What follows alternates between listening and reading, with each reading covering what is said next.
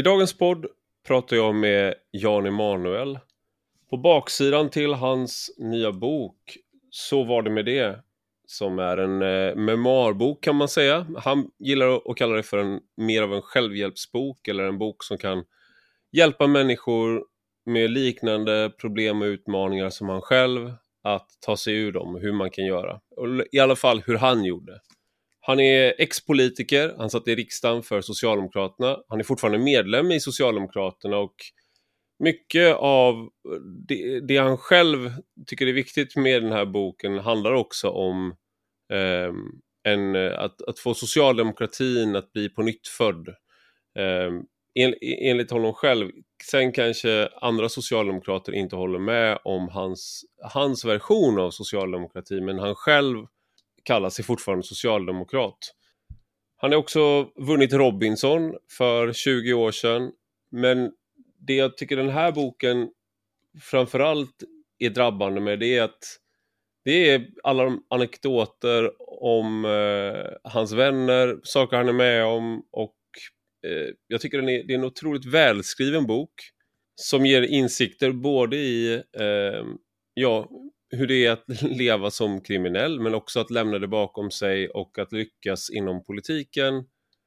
Eh, sedan bli utslängd av politiken på många sätt för att, på anklagelser som han sen friades från om eh, skattefiffel. Och sen också att han är debattör, entreprenör eh, och hela den här kombinationen gör den här boken och honom ganska unik i Sverige skulle jag säga. Eh, det finns också en njutning i att såga Jan Emanuel eh, som jag tycker mig ana i en del recensioner av boken och att man kan säga hans namn med ett litet hånskratt. Och jag har lite svårt att sätta fingret på exakt varför det är så. Vi pratar om det i podden. Men jag undrar om det ändå inte är ren och gammal, ren och skär och gammalhederligt eh, klassförakt helt enkelt. För att han har så, så som han ser ut med muskler, klädstil, han, han visar upp att han har pengar eh, och han har en bakgrund från Gottsunda som är ett utsatt område, även om det inte kallades det när eh, han eh, drog runt där i Gottsunda Rude Boys som de kallade sig. Den kombinationen tror jag sticker i ögonen på människor trots att de kanske skulle vilja säga att det är av andra skäl. Men det pratar vi om. Vi pratar om hans bok, vi pratar om hans bakgrund. Vi pratar också om hur han jobbar med sig själv idag, om kristendom, Gud, eh, om det finns ett liv efter detta, eh, var helvetet finns, himlen, politiken. Men nu till dagens gäst. Du lyssnar på Rak Höger med mig, Ivar Arpi.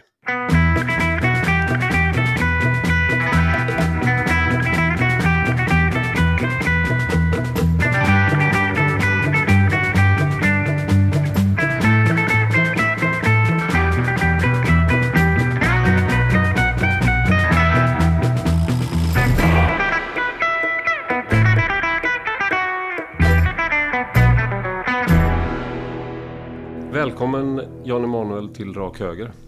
Tack så mycket. Eh, fast vi sitter inte hemma hos mig utan vi sitter i din dotters lägenhet i Stockholm. Jajamensan. Ja, så vi har försökt att få till det här.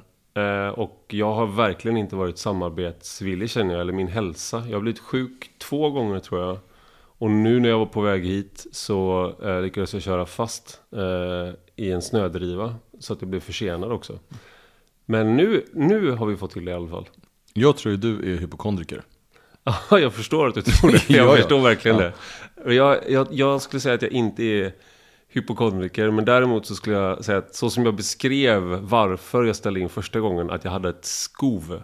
Det är ju, det är ju en... Ja, men då är man- liksom- då är lite psyksjuk. Ja. Så, och, då tänkte jag att jaha, men det var ju ändå vad, vad fint av honom att han liksom... Sån ärlighet. Ja, ärlighet. Så här, jag är psyksjuk. Jag bara, jo men det kunde man ju räkna med. Liksom, att Ja. Intelligenta folk är ju ofta psyksjuka. Och, Precis. nu säger inte jag att du är intelligent, nu ska du inte bli stöddig på det sättet. Men, men jag, ja. Vi hoppas att jag fått ett skov av intelligens till, Ja, till den här podden nu i alla Ja. fall. Ja. Och sen var det ju lite förkyld, det var lite ditten och datten. Så det var, ja, väldigt mycket synd om dig där. Väldigt, väldigt synd om Mm. mig. Eh, och en del synd om dig som eh, när vi har bokat in att det inte blir av något. Men eh, jag, vi, vi är här också.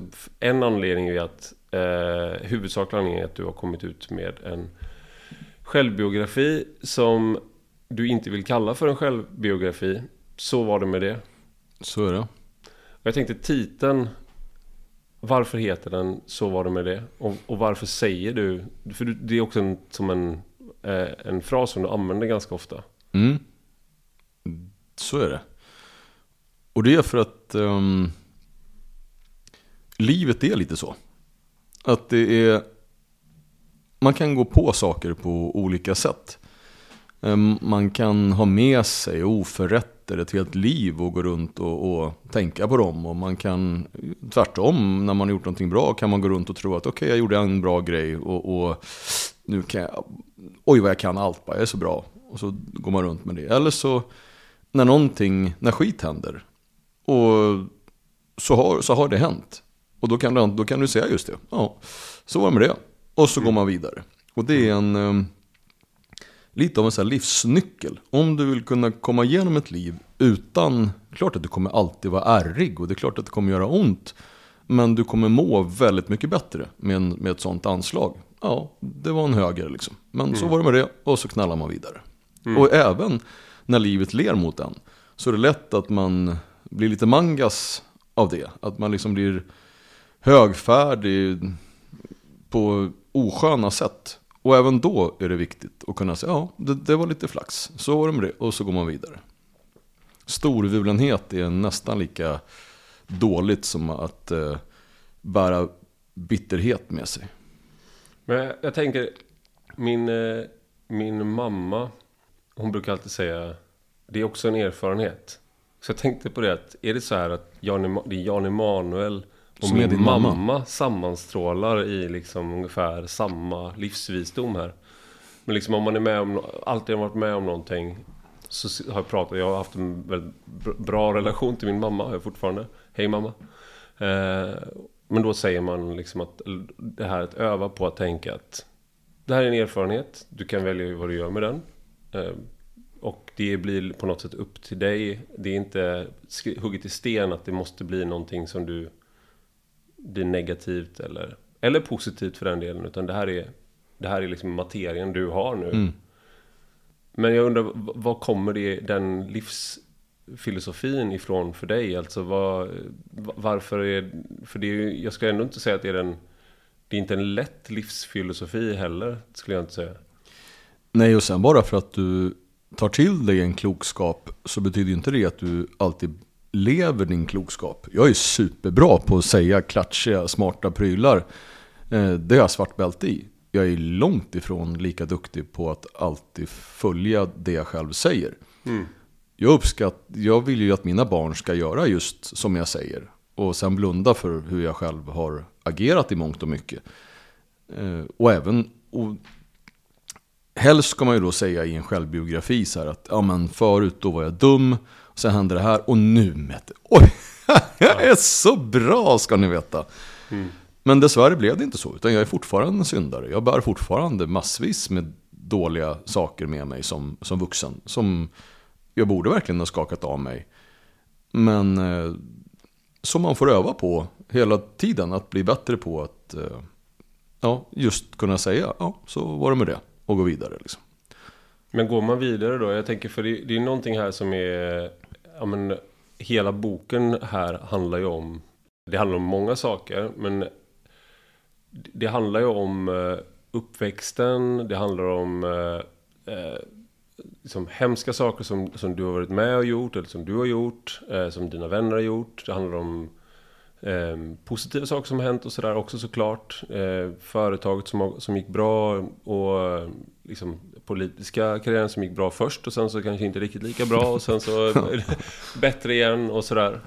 Ehm, men är inte det i sig då på något sätt ett ältande av det som har varit? Eh, eh, att, att, att, att man går tillbaka och kollar på allt det här. Vad är, vad är meningen med att gå tillbaka och kolla på det som har varit? Ja, det är därav mitt förnekande till att det är en självbiografi. Av två orsaker. Det ena tycker, är ju att jag tycker att det är lite genant och då självbiografi. Vem tror du att du är? Å ena sidan. Och å andra sidan, det är ju att försöka skriva saker som är så här, om du gör så här så kommer det bli mindre risk att du faller.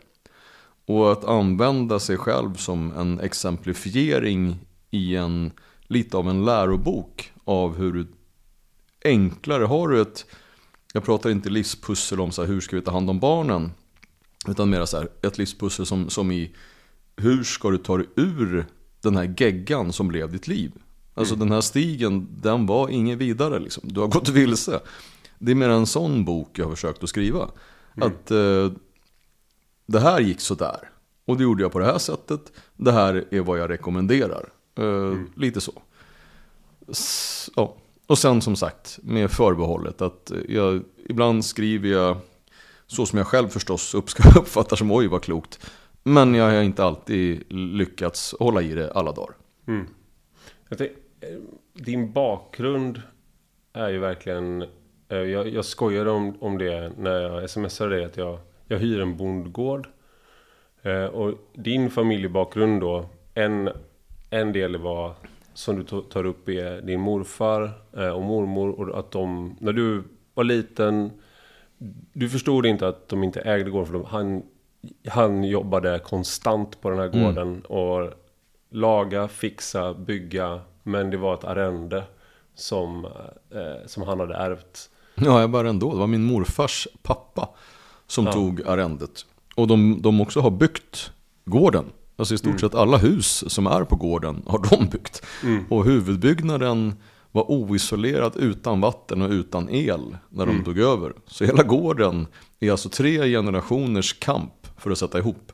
Och vi mm. äger så som i noll. Ingenting mm. äger vi. Och nu så ligger man på för att få min morsa att flytta därifrån. Mm. Och det, det, här är ägs, det här är en kilometer söder om Gottsunda ungefär. Ja. Den här gården i, utanför Uppsala.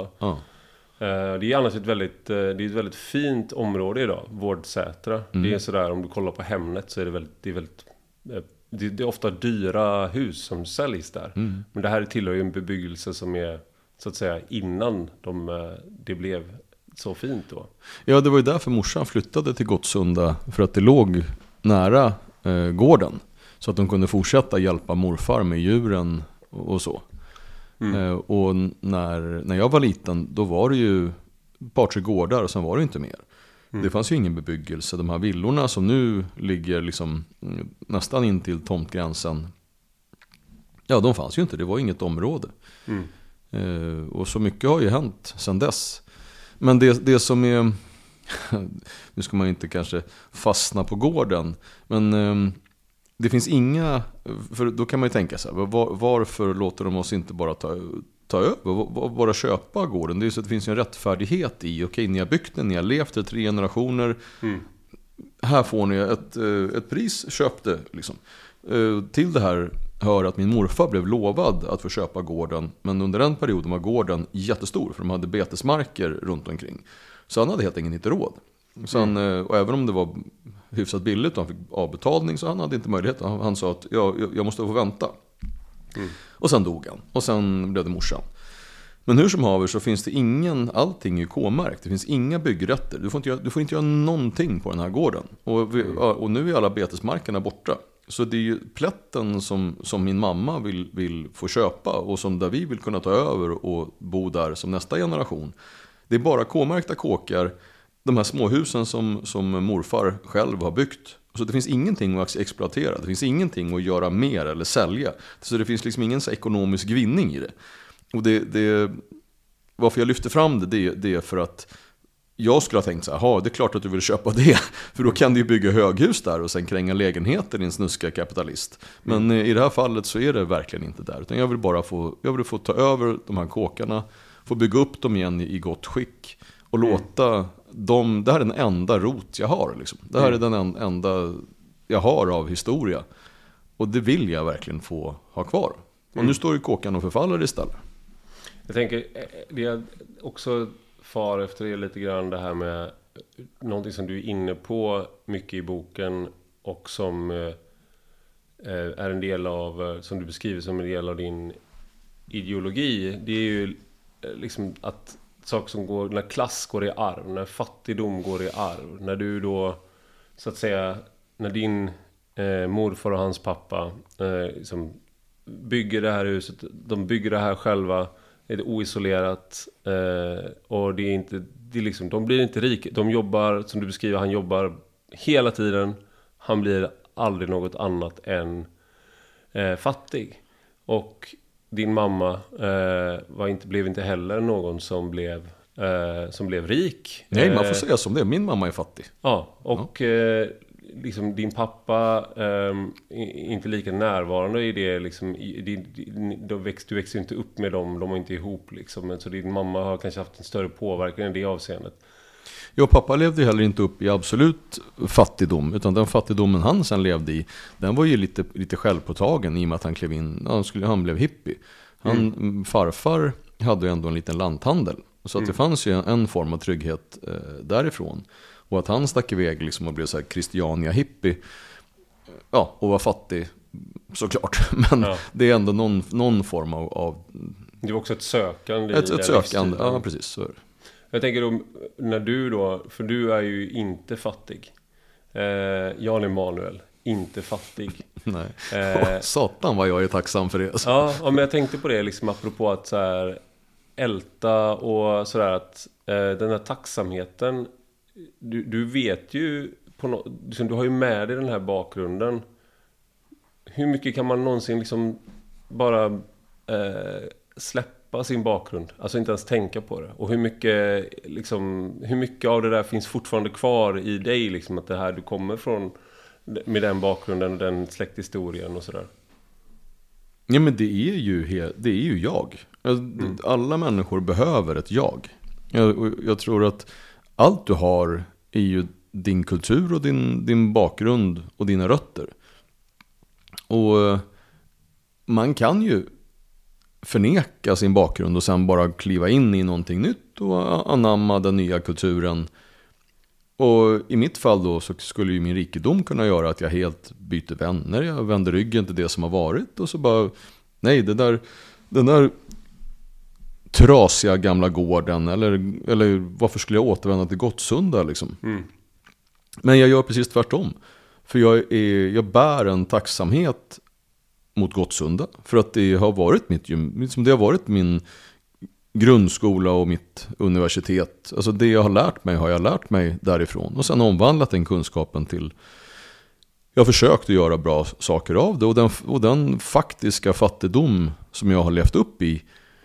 Jag tar ju med mig det i allt. För att den, den ger mig en, en tacksamhet som eh, en ekonomi där man inte behöver tänka sig för. Den friheten och framförallt den enorma tryggheten det ger.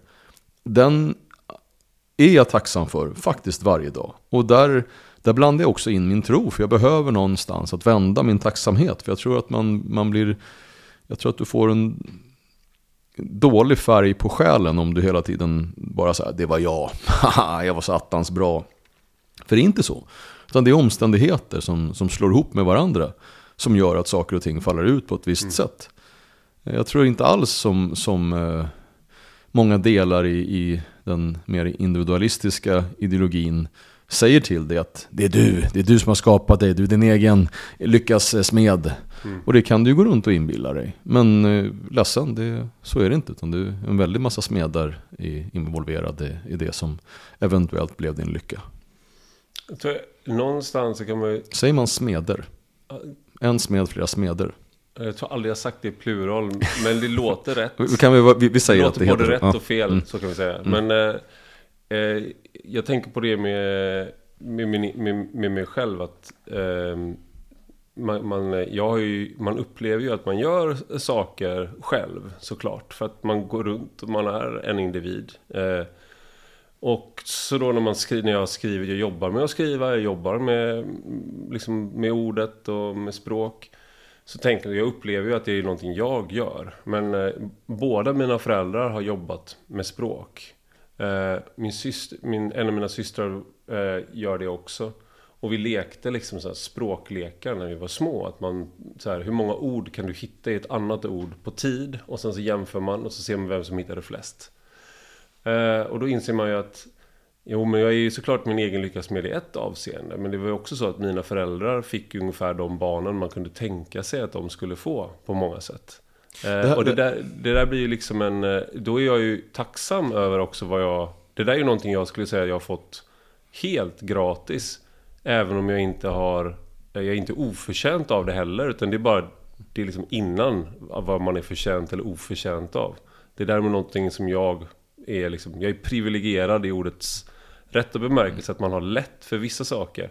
Som har svårt för andra. Avundsjuka är ju någonting som, som är väldigt svårt att böja till någonting positivt. Men, men eh, jag känner jätteofta avundsjuka på, på saker. Och till exempel, nu, just nu så fick jag två känslor. Jag lyckades både så här, shit vad dålig förälder jag är, och avundsjuka i ett. Ett så tänkte jag så här, alltså varför hade inte jag det så? Varför, tänk om jag hade också fått bolla ord när jag var liten. Men primärt så tänker jag så här, jag kan ju bolla ord. Vad är jag för risig förälder som inte har gjort just det? Varför höll inte jag på att leka ordlekar med mina barn? Och sitta runt det här bordet och alla skrattade runt och tyckte att oj vad kul det var att lära sig långa ord. Eller ta ut satser. Och det gjorde jag inte alls. Men det borde jag förstås ha gjort. Ja, eller inte. Ja, för det är också så här... Eh, ja, det är väl lite det som är att man har... Vissa saker får du eh, gratis. Det finns andra saker eh, som man... Eh, jag, jag tänker på det man tar med sig eh, som kan vara en, en, eh, en hunger också. Man kan få med sig en attityd, du kan få med en kompetens som har att göra med hur du...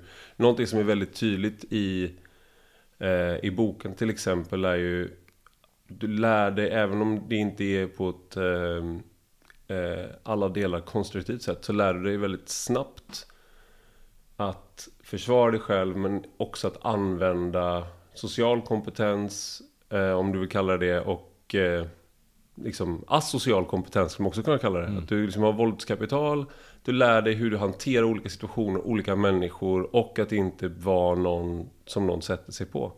Ehm, och det där är ju, liksom, hur, hur lärde du dig det? Varifrån kommer det?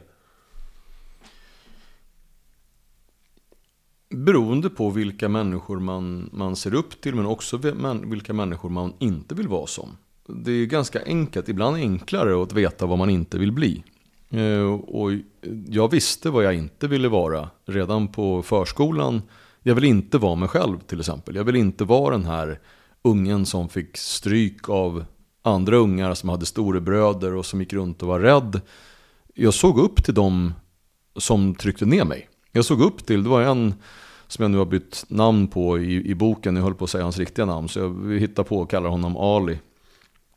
Eh, han var en plågoand av Guds nåde. Jag, han var verkligen på, duktig på att och liksom var taskig. han, han var bro, bro, god fantasi, liksom var elak mot en.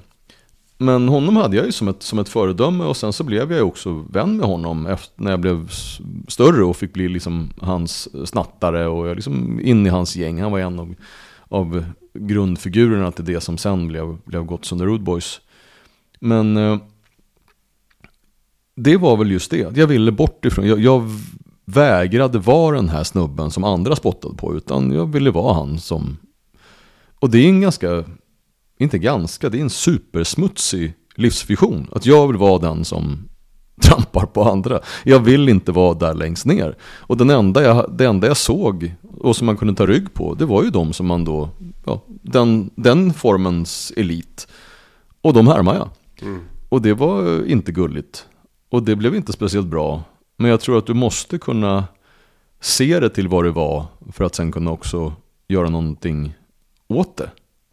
Häromdagen så fick jag reda på att en person som eh, jag växte upp med men som var min nemesis under många år. Så det var liksom anledningen till att jag fick... Eh, jag kunde inte gå och köpa godis utan hamna i slagsmål. Och man fick liksom hela tiden hålla på och liksom upp... När jag, åkte, åkte hem när jag var liksom 25-årsåldern så kunde jag behöva gå över till andra sidan gatan. Om jag träffade fel personer och sånt där. Shit. Och han var eh, orsaken till det. För att vi hade liksom en eh, hatkärlek, men framförallt hat. eh, Och slogs mycket. Och eh, sen så bytte han skola och det gänget. Så här. Men jag fick reda på att han precis hade dött. Och jag har tänkt mycket på det, för han har träffat då, eh, liksom, han blev yrkeskriminell men sen så lämnade han det. Eh, och eh, en eh, lämnade det under buller och bång, en gemensam eh, barndomskompis fick i uppdrag att döda honom. och hamnade i fängelse för det. Mm. 16 år. Men nu när, med andra människor, för han har fortfarande bott, bott kvar i samma område i, alla år Mm. och sådär. Så hade andra träffat honom så har de tyckt liksom att han är en, en helt annan människa liksom. Mm. Eller han, han har alltid varit rolig, charmig. Men att vara rolig och charmig blir diaboliskt om du också är en farlig människa. För då använder du din charm. Mm. Men han, liksom, som jag har förstått det så hade han vänt på livet på många sätt. Mm. Så kände jag så här, fan, det blir ju... Det var synd att jag liksom aldrig fick så möjlighet att prata med honom i nu. Och säga liksom att... Eh, på något sätt kunna dra ett streck över liksom... För att man hör om, från gemensamma bekanta om hur det går och sådär. Och då tänkte jag på det, för någonting som du tar upp i boken är att du hörde av, har hört av dig till människor som du eh, liksom har varit... Eh, ja, begått brott mot eller varit elak mot, gjort saker, förstört deras uppväxt och någon har beskrivit det. Och det måste ju ha varit en... Eh, ja, hur var det att ta kontakt med dem?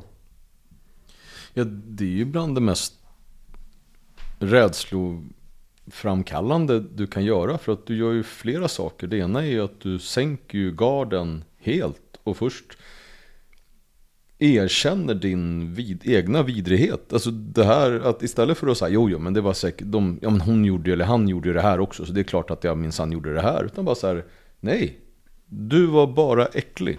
Och nu så, du behöver konfrontera det genom att be om förlåtelse. Kan du få det så kommer det rena delar av dig. Alltså förlåtelsen är det, det, är det vackraste du kan ge en människa om den är på riktigt.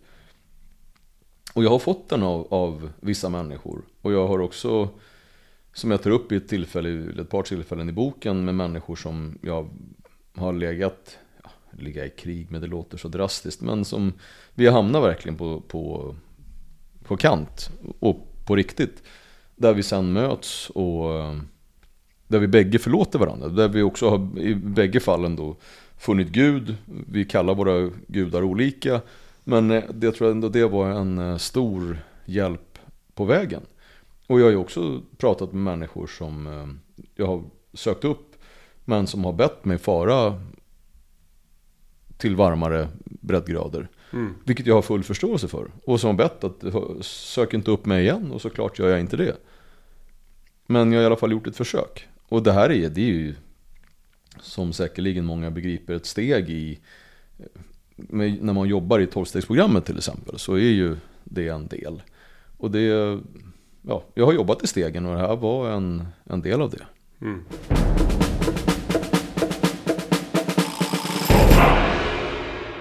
Det finns ju någonting falskt i att söka förlåtelse ibland, tycker jag. Alltså...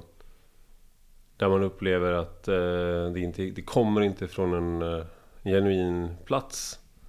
Eh, jag har blivit konfronterad av människor som jag var elak mot Mm. i skolan. Som jag, jag kommer knappt ihåg. Eh, Mm. de här, men de, det de beskrev, eh, som jag inte har skäl Mm. att tvivla på, var ju saker som...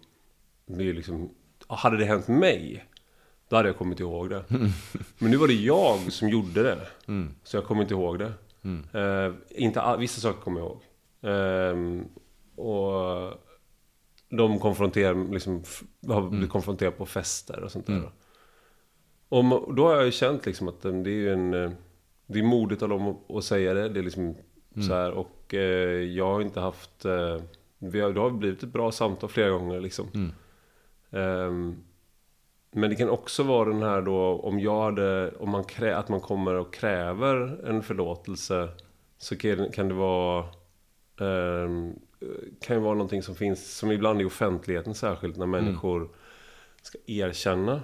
Mm. Att det, det känns som att själva erkännandet i sig ska höja statusen på något sätt. Alltså att man, och är du orolig för det med liksom när du Kanske inte lika mycket när du pratar med en enskild människa men i, i boken när du beskriver saker du har gjort, att det ska bli på något sätt i sig som att jag erkänner att jag har gjort de här sakerna men nu har jag blivit då, som vi skojade om liksom, men att du, du höjer dig själv genom att beskriva de dåliga sakerna du har gjort på ett paradoxalt sätt.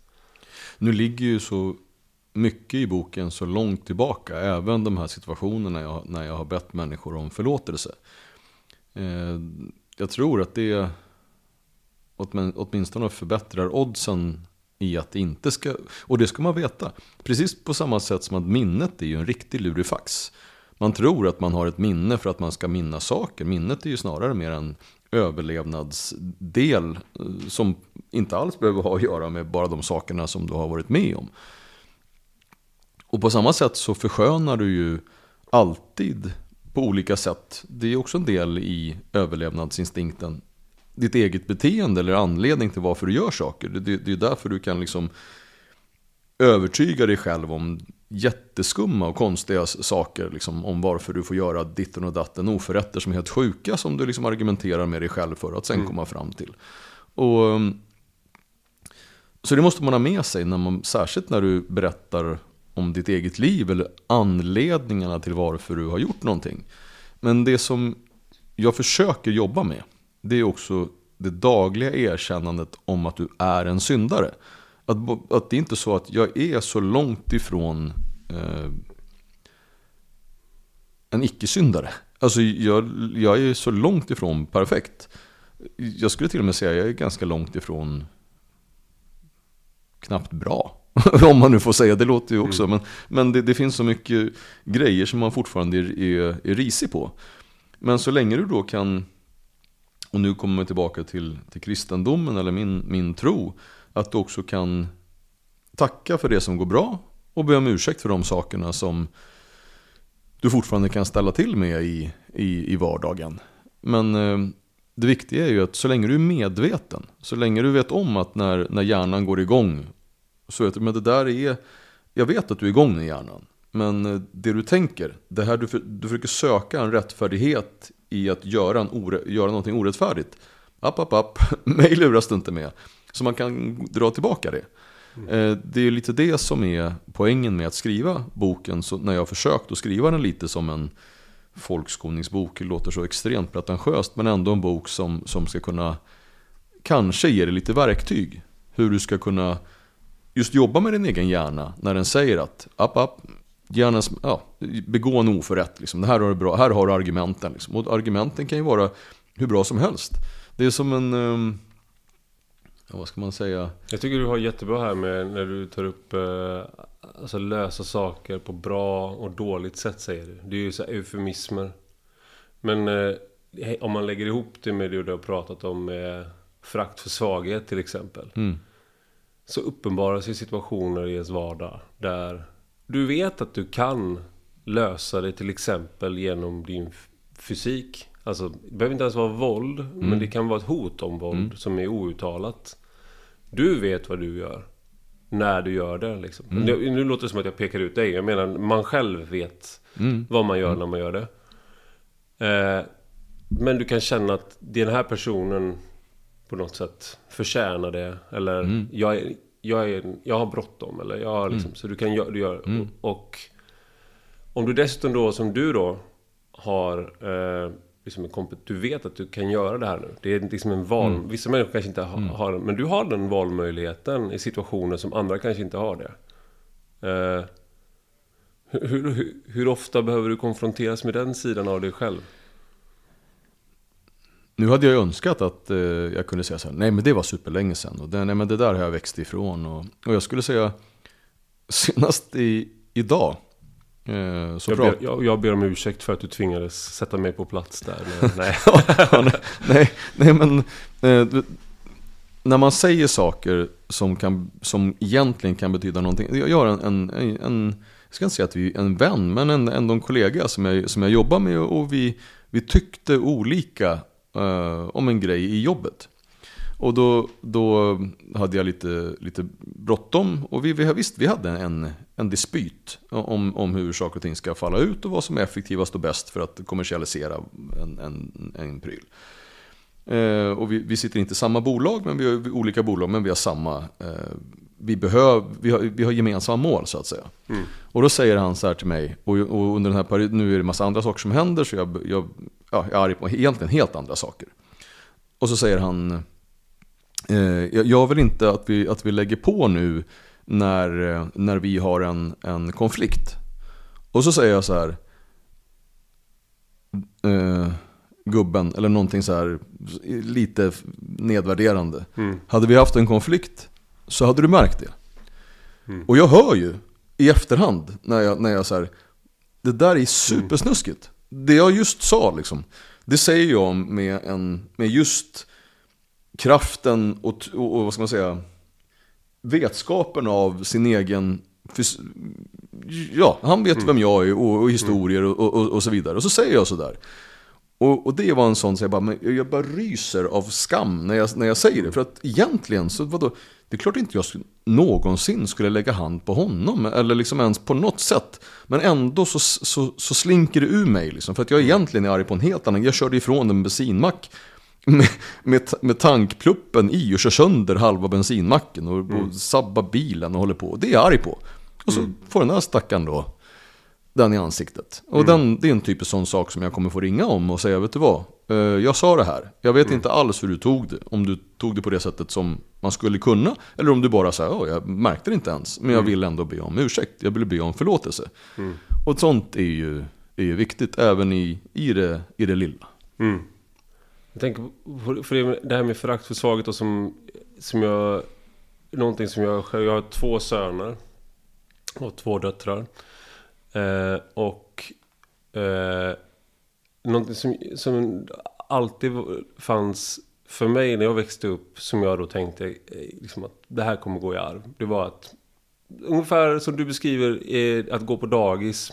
Man slåss på dagis och man, det är mycket slag. Så var det att gå på dagis även för vissa så här, åtminstone på dagis så följs vi åt.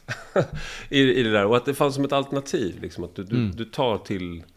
Du står tillbaka och man liksom hamnar i de här situationerna. Det betyder inte att man vinner varje gång eller att man sådär. Men att man, det fanns där. Och mina barn växer upp i en annan värld inser jag. Att det är inte riktigt så skola och förskola och sånt där ser ut nu.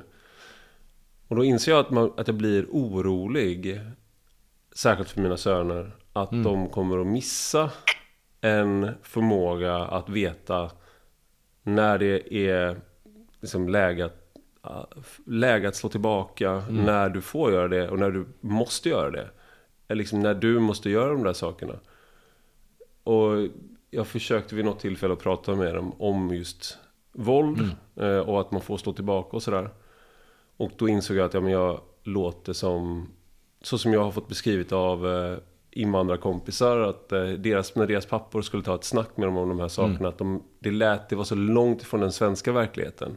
Att de var liksom den här lite, just i det avseendet, den obehagliga invandrarpappan. Och jag kände mig som det. Fast från, som att jag hade gjort en tidsresa från 80-talet i mitt fall. Och, liksom. och så ska jag förklara för dem hur du gör när du slår tillbaka. När de får lära sig i skolan att du ska gå till fröken. Eh, jag tänkte, hur, hur hanterar du ditt förakt för svaghet idag? Och liksom, är det här någonting, tänker du på de här, på de här sakerna på ett så osunt sätt som jag gör? Eller hur, hur tänker du kring, dem, kring det där nu? Först så hoppas jag. Eh, och jag hoppas att också att det är liksom genuin ärlighet bakom när jag säger det. Det är att jag inte har, nu har jag snarare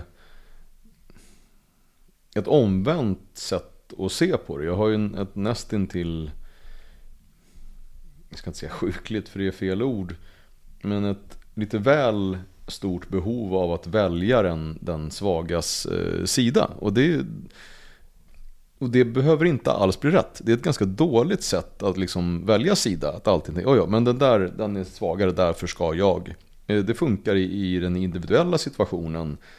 Eh, I någon form av så här vuxenmobbing eller i, i allmänhet. Men det betyder inte, det, det går inte att applicera på alla så här, politiska delar. Då kan det bli superknasigt. Men så, då, då blir det att du alltid måste hjälpa Miljöpartiet i alla, Ja, det hade, i alla debatter och sådär ex. Exakt, och Ja. det hade varit superknasigt. Bara för att de är utsatta, det är extremt självförvållat och då kan man liksom inte hjälpa dem. Men däremot så, så i situationer där jag ser att någon är i underläge, där, där ja, jag hoppas på att, att, på något sätt har jag väl kanske vänt till någon form av sympati istället som gör, som jag mår bättre av i alla fall. Det kan vara en egotripp, gud vet. Men sen när det kommer till den diskussionen som du hänvisar till, den, jag är ju där och har varit där. Jag har ju varit noga med att mina barn har tränat kampsport och, och, och för att de ska kunna ta för sig.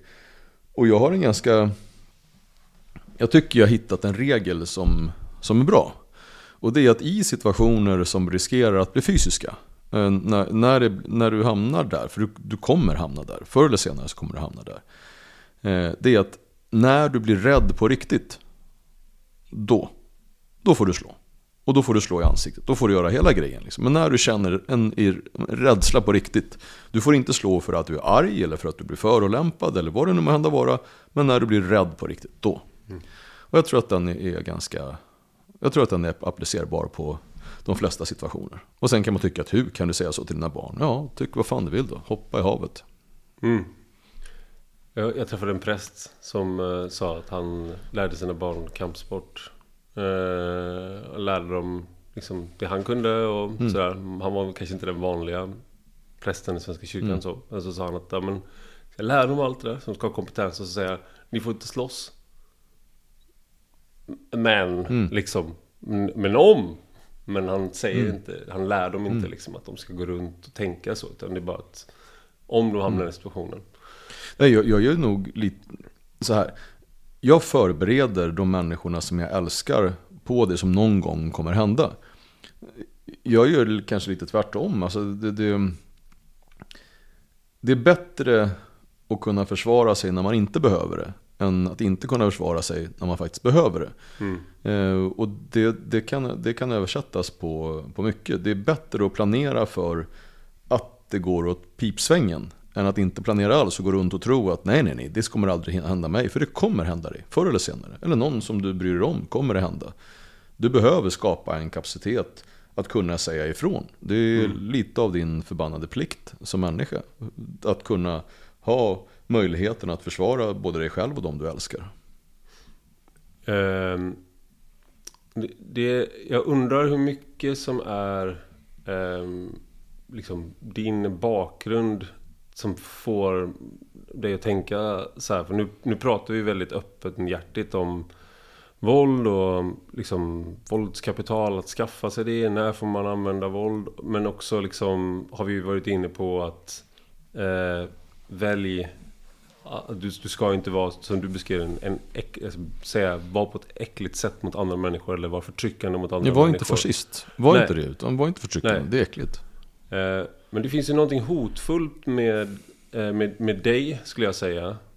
Med att överhuvudtaget ha eh, muskler eh, som, som du har eh, och att då ha liksom den här eh, våldskompetensen. Att det i sig anses eh, vara en, en aggressiv handling. Alltså att, att jag, jag, kan, jag kanske hittar på det här nu men det är så jag uppfattar att människor ibland eh, inte behandla mig, för jag har inga muskler. Men jag har, har, andra vänner som också har muskler.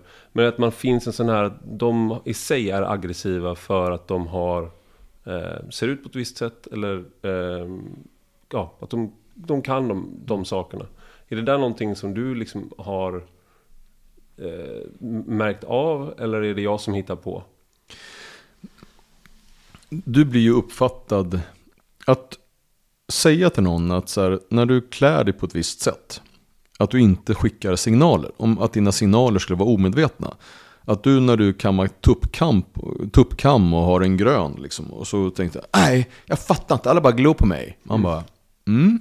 Eh, eller så här, jag går med bara bröst. Nej, killarna bara tittar på mina bröst. Mm. Det var som attan. På samma sätt så vet du också vad du signalerar med en kostym och en slips. Och du märker ju när, hur du blir bemött på grund av det. Mm. Det är ju inte så att jag inte vet vilka signaler eh, jag sänder. Eh, men det gör ju också, det, det i sig är en trygghet. Jag är inte något vidare bra rånoffer. Det är det signalerar jag, jag vet det. Och jag är inte något vidare bra rånoffer. Folk har försökt, det har gått superdåligt. Mm. Och det är klart att det är medvetet. Och jag kan inte se något fel i det. Men att, eh, att säga då, nej nej, jag fattar inte alls vad du menar. Det är klart att, att jag är, klart att jag vet det. Mm. Och det, och du, ja, nej men så är det.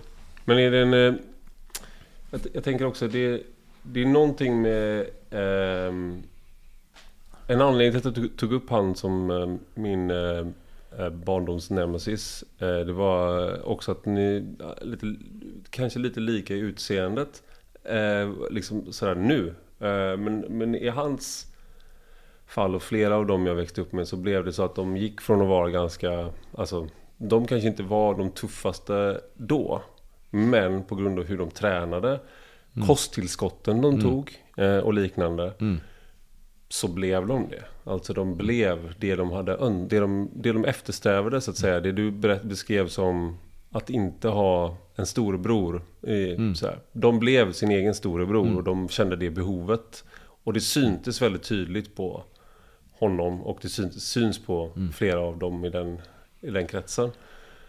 Och det blir ju, det är någonting i det där som vissa har beskrivit som någon slags kapprustning då mellan män. Att man måste liksom, om, men om ni, om ni håller på att skaffa er all den här, då måste, ju, då måste alla andra också. Så blir man liksom, man håller på, blir, hamnar i en sån här tuppfäktningssituation. Ehm, det var någon som berättade en, ehm, en liknelse. Jag, jag, jag minns den inte exakt, men den, gick, den var ungefär så här. Att det var en, en varg springer in och dödar ett får. Eh, och de andra fåren ser att vargen dödar fåret med tänderna.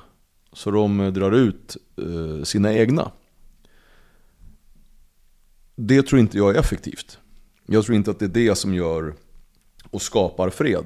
Jag, jag tror att de här som drar ut sina egna tänder, de kommer, det enda som kommer hända är att det blir ännu enklare för vargen att ta dem. Eh, De hade nog, om möjligt, med tanke på att det här är en fantasihistoria, kanske borde skaffat sig större tänder så att de kunde bita tillbaka. Det är min filosofi. Om den får man tycka som man vill. Men eh, tittar man på, på historien som sådan så tror jag att jag har rätt. Det finns en anledning i varför någonstans den här hemska kapprustningen också har lett till att det inte har blivit världskrig.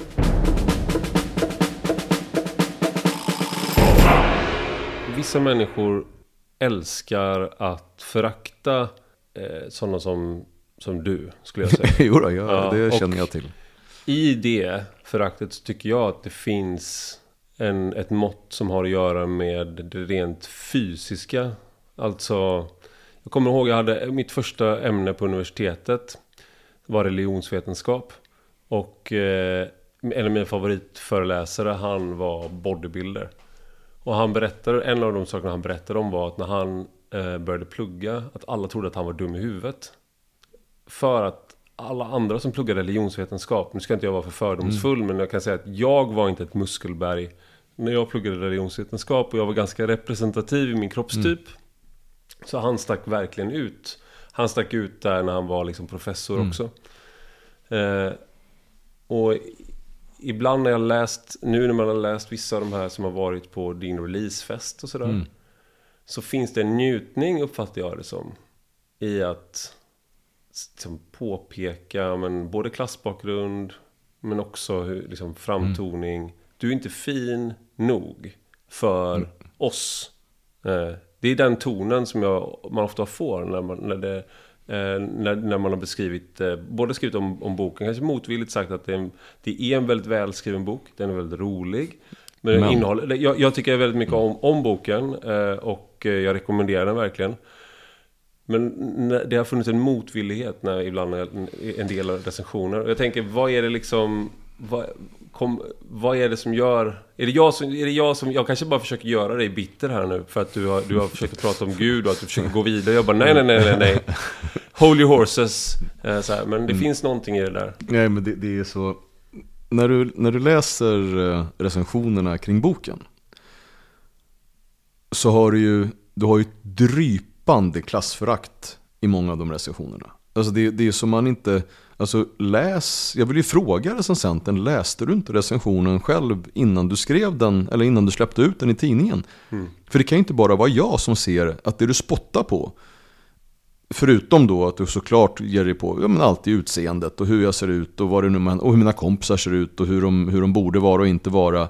Det var mycket det som jag, var en av Så, sakerna som jag verkligen så, så, är det, på. så är det just det. Liksom. Ja, men det är ett sånt så här, spottande på dig för att du kommer från, du, du tror, tror du verkligen att med din bakgrund och du, du, inte bara, du bara inte är, du är trasproletär och du klär inte ens ut dig din idiot. Utan du ser fortfarande ut och står upp för att du, du ser ut som en trasproletär. Och du, kan, du, du pratar inte som du ska. Du står upp för saker som du inte ska stå upp för.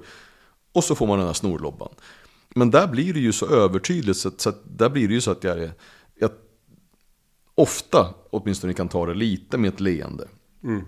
För att det blir så pass här, ja, men, det, det kan inte bara vara jag som, som, som ser det här, liksom, tänker jag. Men ja, jag hoppas att det inte är så. Jag, jag, jag, jag såg en del av det. Och jag, det, jag tänker att det finns också en sån här... Eh, ett sak som jag har tänkt på så här, if you, if det, det, här, det här stämmer inte, men jag har tänkt på det ibland för att jag tycker att det är en kul eh, som tanke att ha det. If you're so smart, why aren't you rich? Så brukar jag säga till mig själv. Ibland, för jag tycker ibland om man får för sig att man är så smart, okej men liksom, så här, varför är du inte rik då, Ivar? Och jag tänker att det finns en sån sak med dig också. Hur fan kan Jan Emanuel vara rik? Titta på honom. Hur fan kan han vara rik? Det måste, varit en, det måste vara en, finnas någonting fel här. Det är någonting som är fel. Jag måste ha, antingen så har jag ju, om jag inte har snott dem direkt, det är inte bankrånarpengar. Så är det åtminstone att jag har lurat till mig dem på ett orättfärdigt sätt. Eh, Och helst så ska jag ha stulit dem av någon oskyldig. Och det vill vi på något sätt leda i bevis och när det inte går så måste man alltid, alltid insinuera att det på något sätt är något skumt. Det är någonting lurt. Det kan inte vara så som det är utan det, det, det är någonting annat. För att du är inte, du är inte värd din position. Du är inte värd det är inte du som har skrivit boken till exempel. Det är klart att du har någon annan som har skrivit när det kommer till kritan. Åtminstone de delarna som är bra. Till exempel någon som lekte ordlekar med sin... Ja, men ex, ex, ex, exakt en, en, en sån. Och det, och det blir också lite roligt så här, att även de som har sagt det. Det har ju varit liksom så kulturelitsmänniskor som har sagt Åh, shit vad bra det var. Men ändå så måste man hitta det här. Ja men det är väl, och så är det någonting som ändå är, är, är knasigt liksom. Det är lite roligt. Att jag är, de är noga med att beskriva att jag är på fel ställe. Alltså, Bara det att jag var på bokmassan. Att, att jag, jag liksom. Vad ska jag göra där? Och, och så dessutom, så vilka utrymme. Och boken säljer. Vad är det liksom för, för patrask som köper den där boken? Liksom? Det är eh, problematiskt ur en populistisk synvinkel att folk vill läsa boken. ja. Men jag tänker det, det finns ju en... i- Man pratar ju om eh, rags to riches i USA, den amerikanska drömmen. Och där älskar man den till stor del. Eh, Eller man säger i alla fall att man gör det. Jag skulle säga att det finns lite mod, sanning modifikation där också. Men här i Sverige så har man eh, kanske äl, liksom älskat klassresor och liksom hur vi lyfte så att säga människor som hyrde, som ärvde sina arrenden, människor som var statare. Eh, alltså det som man kallade för lort-Sverige men inte för att de människorna var lort utan för att de inte fick en, den standarden som de förtjänade. Hur vi lyfte det. Det liksom har varit en sån här berättelse som vi har varit stolta över. Men om man tänker efter nu skulle jag säga att det, det är väldigt... Eh, i alla fall vad gäller i offentligheten så skulle jag inte säga att det är, riktigt är så att man gillar att människor kommer någon annanstans ifrån och blir något annat. Eh, och jag, jag tycker en del av reaktionen, jag undrat för att du har ett stort genomslag i sociala medier. Du har varit riksdagspolitiker. Nu ska vi också säga att du, du, du blev rik på en behandlingsmodell som är evidensbaserad liksom på att hur du får människor eh, med hjälp av KBT för svensk, som du anpassat till svenska förhållanden som du sen sålde vidare. Eh, det vill säga, eh, det var inte du var inte en vampyr. Det var inte så. Nej, och jag blev inte rik på flyktingförläggningar eller ensamkommande. Utan det här var långt tidigare, ens innan själva flyktingkatastrofen. Men det här är ju liksom då någonting som jag tänker att då borde ju, om vi verkligen gillade liksom människor som kommer från eh, inte föds med silversked i mun, inte liksom har alla förutsättningar. Då borde vi ju tycka att det är fantastiskt med Jan Emanuel. Lika som med, kanske med... Det finns ju andra i vår offentlighet som också har... Eh, där man borde tycka det. Men när man absolut inte verkar tycka det. Nej, det kommer, och det kommer heller inte att ske på väldigt, väldigt många år i Sverige. Det, det är fint i Sverige att vara rik, men det är fult att tjäna pengar. Mm. Det är, går jättebra för sig att, vara, att vinna på Lotto. Det är kreddigt. Det är också kreddigt att vara um, idrottsstjärna. Där kan du få tjäna hur mycket pengar som helst och du kan fly skatten och ta pengarna någon annanstans. Det är fortfarande kreddigt för att det, det, det, det är härligt. Och det är faktiskt också kreddigt att ha varit rik i hur många generationer som helst. Alltså så adelsrik, det är ju toppenfint. Mm. Men om du som vanlig och ännu värre som trasproletär lyckas samla ihop stålar och dessutom har en dåliga smaken och visa upp att du inte längre är fattig. Där någonstans går gränsen. Och mm. där är det helt legitimt för hela det fina Sverige, kultureliten, att spotta precis hur man vill. Där får vilken journalist säga och bete sig precis hur som helst. Och det är, det är helt okej. Okay. Mm. Och ja, ja. Någonstans är det ju så här att jag, jag är också på bokmässan eh, nästan varje år. Eh, men jag, och jag får prata. Men jag är ju en, eh, en kuriositet där. Det är ju liksom å andra sidan, alltså det, och jag vet det också att man är Det är ju inte min grupp av människor Jag är ju inte på ett ställe där människor kommer om, alltså, Fler människor kommer fram på gatan om jag går i Stockholm och vill prata med mig mm. Än på bokmässan Men det är ju för att de, de vill ju gå fram Men de, de törs ju inte För att du är någonting som de supergärna vill vara de blir osäkra för att de, de, de flesta som går runt där i, i sina jag höll på att säga baskrar, alla har ju faktiskt inte baskrar, men de flesta, med polokrage och skumma kläder och är så otroligt tunga och, och låtsas intellektuella, så kvasintellektuella på en nivå som man liksom blir skratt, ja, strunt samma. De vill ju kunna tänka som dig, eller våga vara som dig. Så det är klart att de inte, de vill inte kräda dig på det. De vill ju vara som du egentligen. Det är min eh, analys till varför de inte eh, går, går fram. Det går ju faktiskt att någonstans om man följer människor så märker man ju förmågan att tänka på riktigt eller inte. Alltså det går ju att läsa in baksidor på böcker och sen rabbla dem. Eller bara gå runt och vara skum liksom och tycka att men, Eh, vad, är ditt, vad är ditt anslag? Liksom? Jag bara, nej men alltså jag, jag är svår liksom. Så mörk faktiskt. Och, och, läser också skumma, mörka saker. Man bara, oh shit vad du kan. Mm. Och sen så finns det ju där du faktiskt kan märka att det, tankarna flyger. Och de, de, de studsar och de kommer tillbaka och de är hållbara liksom. Då... Men det här tänker jag, det här måste vara, om det är... För det, det håller jag helt med om. Jag värdesätter verkligen att när man har eh, människor som jag uppfattar jag, jag, att de kan vända och vrida på saker. Och det är ofta människor som de, om de säger emot att säga en ståndpunkt som man själv har eller en tanke. Mm. Då kanske det kommer tillbaka för att de har tänkt mer. Så att det är jag som får ändra mig. De får, jag får ett nytt perspektiv. eh, och det blir, finns ju, kan ju finnas en prestigelöshet i den typen av konversationer. Då spelar det, för mig spelar det mindre roll om liksom om, om den personen är vänster, höger eller vad, mm. liksom, vilken etikett som någon annan har satt på dem eller de satt på sig själva. För det är ett sätt att närma mm. sig nyfikenheten, kanske också en liksom, kognitiv ödmjukhet på något mm. sätt. Som jag eftersträvar, även om apropå att inte leva upp till det, så mm. är man eh, tyvärr eh, har, går man ju runt med sina liksom, föreställningar. Men jag tänker, du har ju varit i politiken ändå och är ju fortfarande medlem i Partiet. Det stora partiet. Mm. Eh, där är det verkligen, finns den typen av människor i politiken som, som, som pratar på ett sånt sätt och som tänker på ett sånt sätt? Eller är det en fördom som jag har som outsider att det är tunnsått med det? Det finns ju precis som överallt annat annars och annanstans så finns det en elit. Jag satt och pratade med Göran Persson för en tid sedan. Och det går inte, hur den vrider och vänder på det, och säga någonting annat att han är briljant. Han lyser. Mm. Alltså han är, han, är, han är en gigant, en intellektuell gigant. Och det är ju också sådär, det kan han ju inte vara. För att han, han har ju inte gått i skolan och han är sossepolitiker och så vidare. Men han är briljant. Ingen kan ta det ifrån honom. Sen så försöker man då så här. Ja, ja, men han köpte ju en gård. Ja, men precis. Varför köpte inte du en gård i din sop?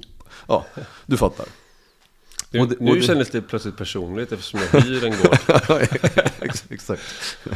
Nej, och, och, och sådana finns det ju en, eh, en hel del i partiet. Uh, nu anser och det kan vara bitterhet från min sida. Jag finner ju det, det gardet i det gamla gardet. Alltså de som jag imponeras av är ju liksom äldre.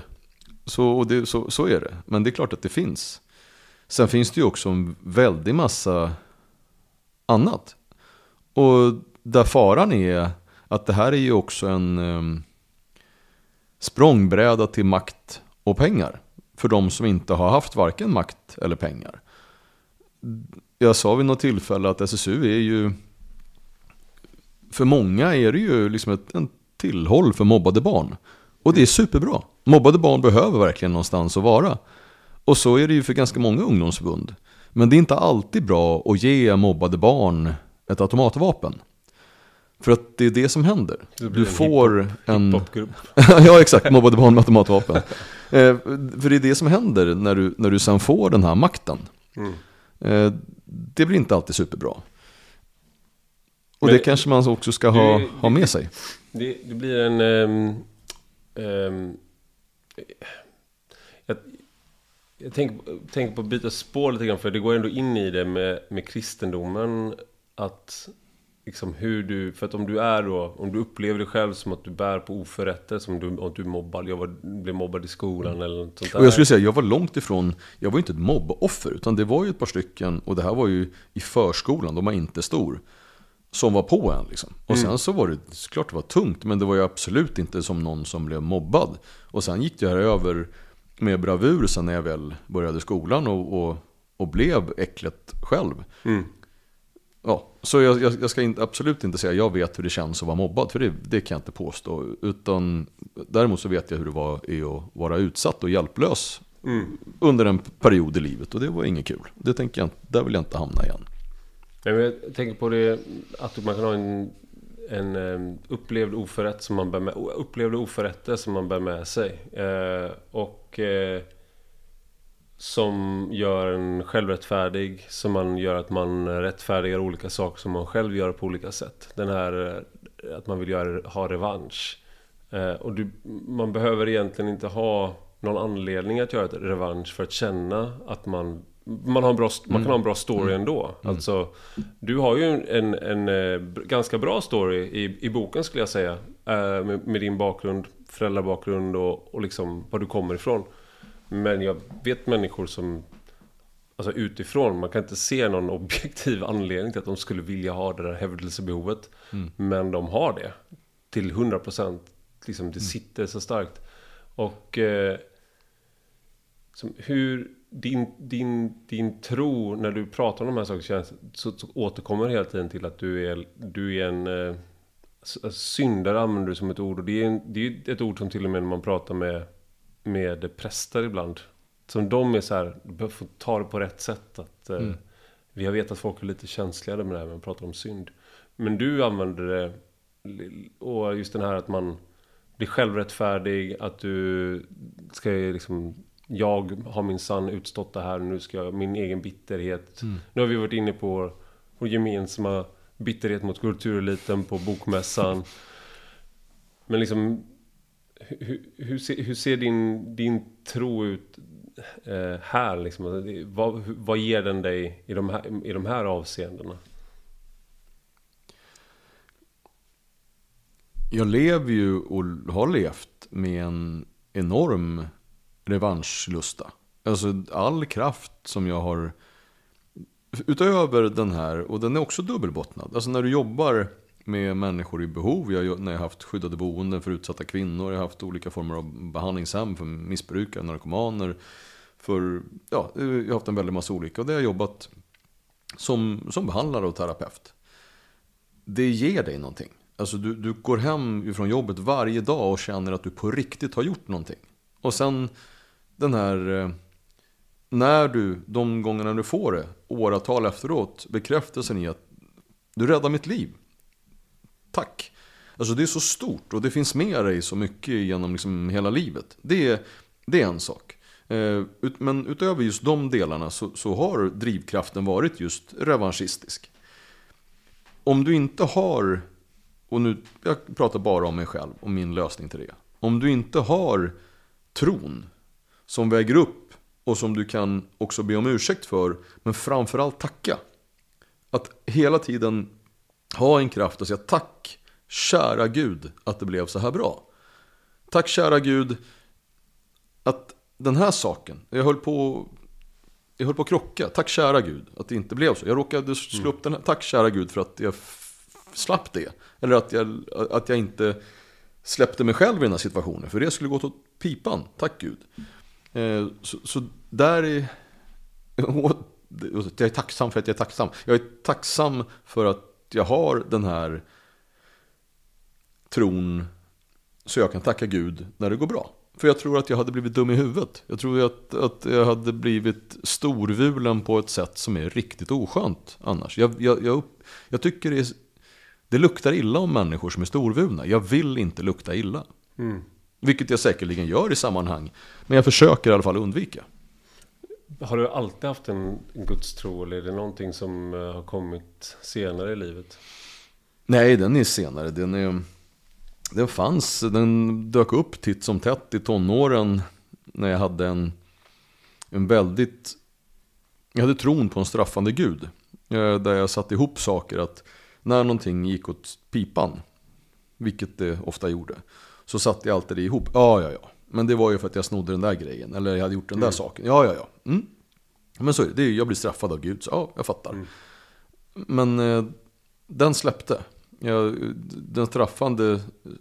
Sen var jag Du rörde dig från gamla testamentet mot nya testamentet. lite åt, åt det hållet skulle jag väl säga. Men jag, jag har ju aldrig varit en liksom flitig kyrkobesökare. Jag har aldrig varit med i en församling aktivt. Jag har aldrig varit med i någon frikyrka. Jag har, ingen, jag har ingen historia bakåt i släkten på någon sida som är frikyrklig eller kyrklig överhuvudtaget. Jag är inte ens döpt, eller mina föräldrar döpte inte ens mig. Jag döpte, jag är vuxen döpt. Jag döpte mig samtidigt som vi döpte vår dotter. Mm. Och sen har jag liksom, jag har ju sökt min egen tro. Det, har ju inte gått i några bibelgrupper eller liknande, utan jag har läst. Vad har du läst? ja, där, där har jag ju läst Bibeln och jag vill, jag vill påstå att jag verkligen läst för att försöka förstå. Och jag har haft väldigt många tvivel och där jag ifrågasätter delar. Jag är inte en, en, en klassiskt god kristen utan jag, jag många delar i Bibeln som jag kan säga det där är, ju- det där är ju jättekorkat. Och så, så där kan man ju inte bete sig, det har ingenting med Gud att göra. Eller där jag ser passusar som jag nog själv upp, ja, när jag gör min egen bibeltolkning, vilket man måste, faktiskt måste få göra. För det som Gud gav oss primärt var förmågan att ifrågasätta. När var det ljus så gav han dig ditt förstånd och det, det är den största av gåvor. Och kan du då inte våga läsa skriften och se så här, vad, vad, vad står det egentligen? Är, vem sa att det här inte är en liknelse? När, eh, om, om de säger så här, när, när Jesus gick på vattnet, när han sprang ut till lärjungarna. Lärjungarna har, de har varit ute i, i 12 timmar. Tittar man på vad som, och, och läser av den, de tidsperspektiven som finns i skriften så har de varit ute mellan 8 och 12 timmar. Jesus står uppe på ett berg. Eh, han, han har sorg efter att Johannes döparen har, har blivit eh, mördad på det mest vidriga sätt. Halshuggen. Eh, uppe på berget är han och då ser han lärjungarna ute på vattnet. Okej, och då, då har de rott redan i någonstans 8-12 timmar. Så han, okej, ser det, kutar ner, snabbfotad måste man säga, ner från berget, Spring springer rätt ut över vattnet. Och då har han just skickat ut lärjungarna i storm, så här, och massa timmar tidigare. För han säger det, nu ska ni ös, åka över här. Sen sticker han ut och sen när de ser honom, först så tror de att han är en vålnad, så ho, ho. Och sen så springer Petrus och säger så kom till mig. Och så ska Petrus ut och så, och så sjunker Petrus och han säger din syndare. Eller nej, din, din trosvage säger han. Och det är bland det taskigaste du kan säga till någon i den här, eh, i den här situationen. Och varför inte just det här en liknelse? Varför, vad är det som säger att just här, min sann, här gick de på vattnet. Det man lär sig i det här skriftstället, det är ju vad, vad är det han säger egentligen? Jo, om du har blicken på Jesus och på hur Jesus agerar, what would Jesus do? Mm. Så har du någonting i livet att gå efter. Och på så sätt så kommer du inte sjunka ner i det som är den riktigt jobbiga delen av livet. Livet är en kamp. Och du kan göra det till ett helvete. Och när du sjunker igenom där och låter liksom det, det, ditt begär efter makt och vad det nu må hända vara ta över så blir du olycklig. Jätteolycklig och du kan göra ditt eget liv till ett helvete. Men håller du blicken på Jesus, ja då kan du gå. Ja, mm. Inte supersvår eh, sätt att se vad som, vad som sades. Men därifrån då säga att nej men så där var det, det är minsann. Det var ingen liknelse. När, när det står en brinnande buske och brinner, då bara nej nej nej, det där är ingen liknelse. Och helt plötsligt så är det här en annan sak som låter allt mycket mer vad ska man säga, verklighetstrogen. Ja, men det var bara en liknelse. Och det är klart mm. att du måste kunna få ta skriften.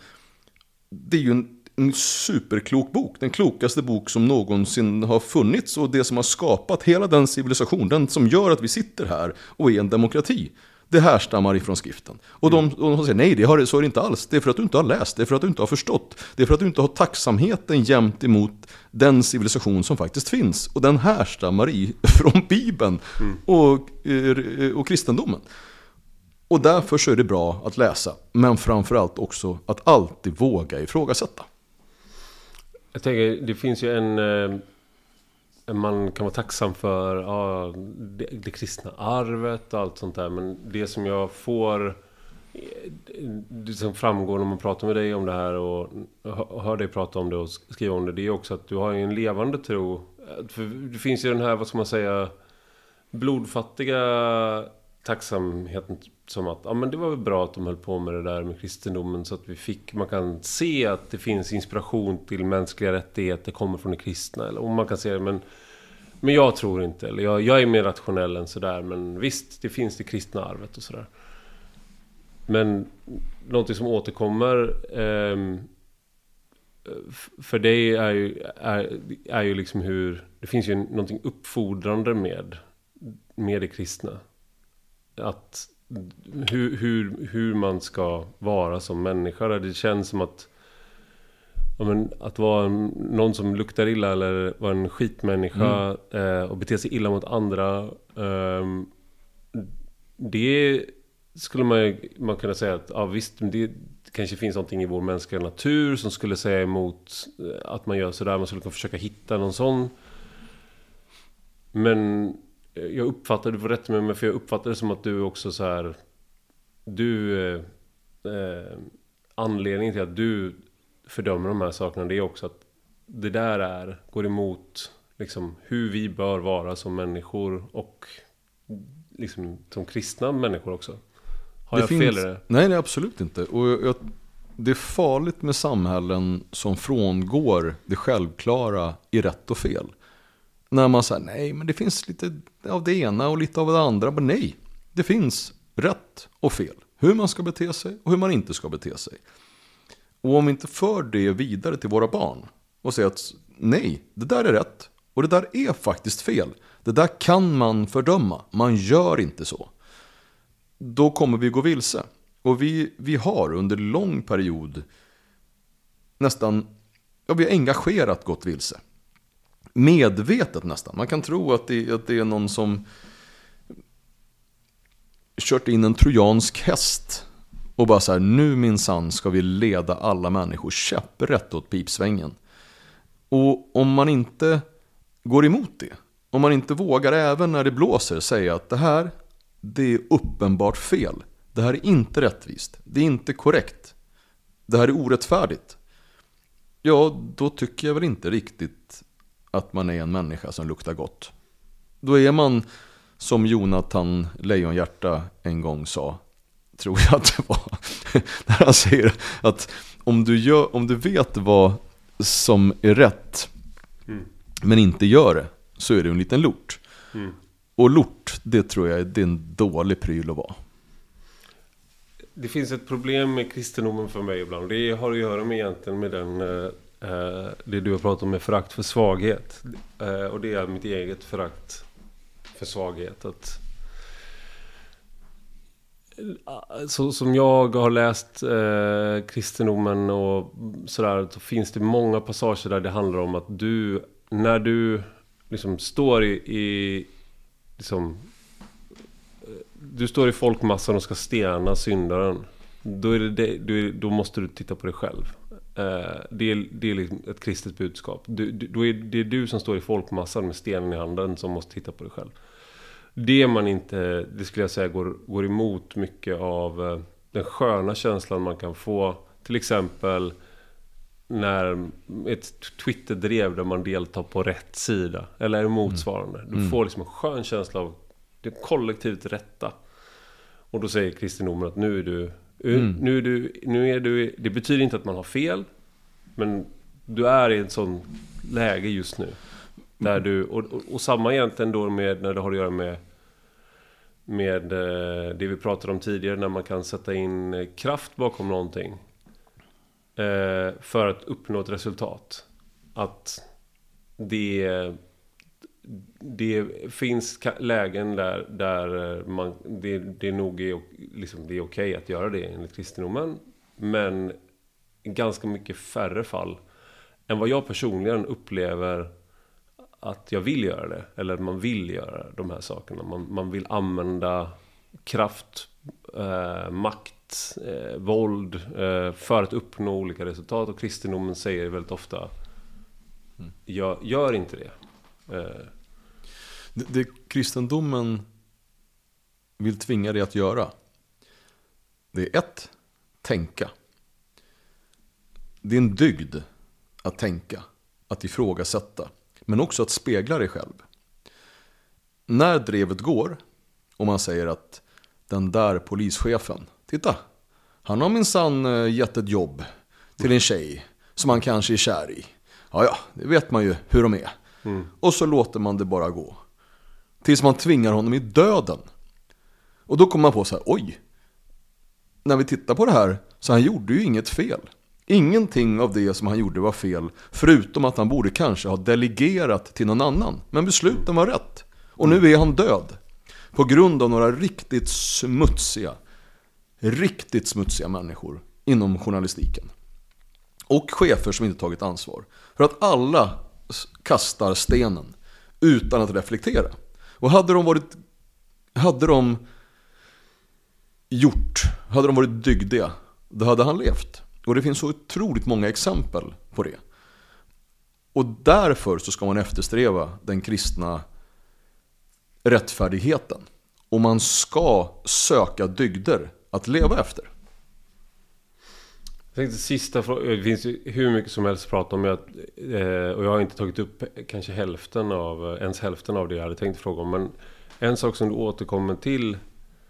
Eh, som jag själv är någonting som jag själv tänker mycket på. Jag tänker mycket på det här med kristendomen och, och Gud och, och vad, vad det kan innebära att tro och sådär. För mig och överlag.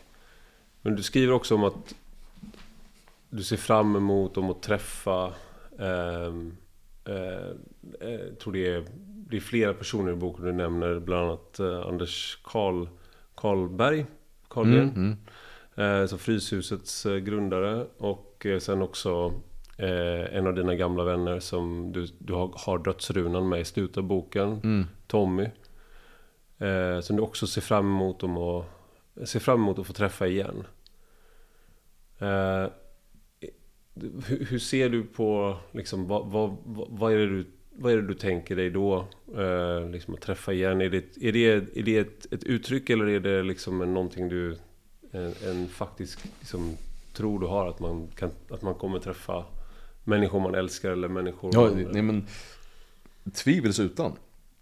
Där jag är, är, jag är trygg i min tro, vilket jag är tacksam för. Och jag är också trygg i min, min egen himmelsbild. Alltså vad händer när du dör?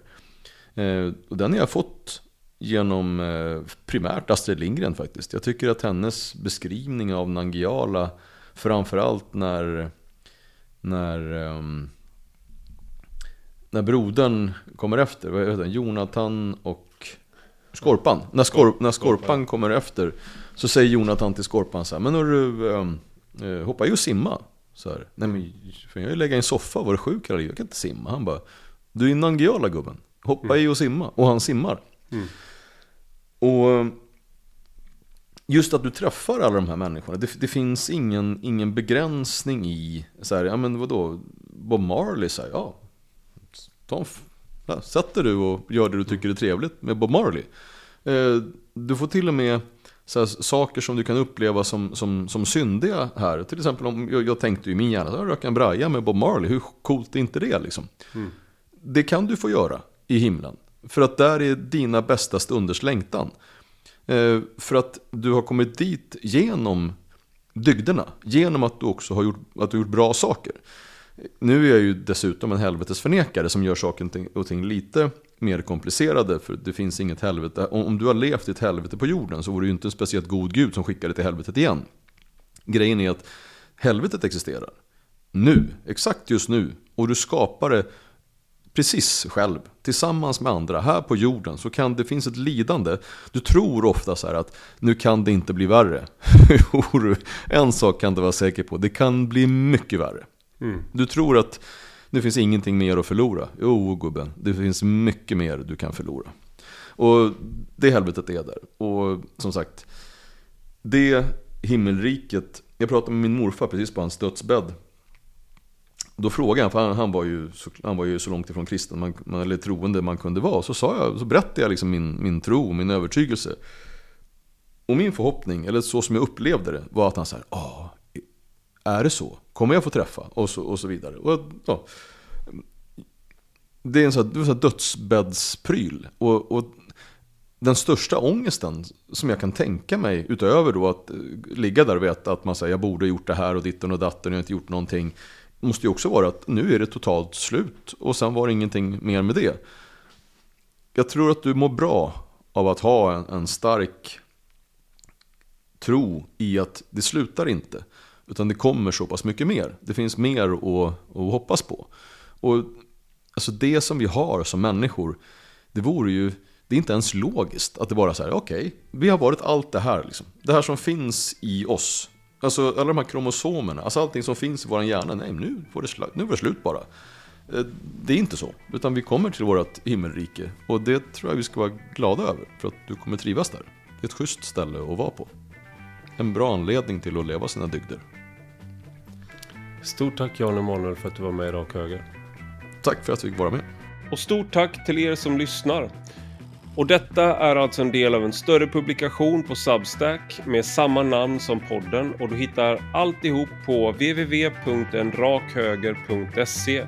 Och har ni några frågor eller synpunkter så tveka inte att höra av er på ivararpi substack.com.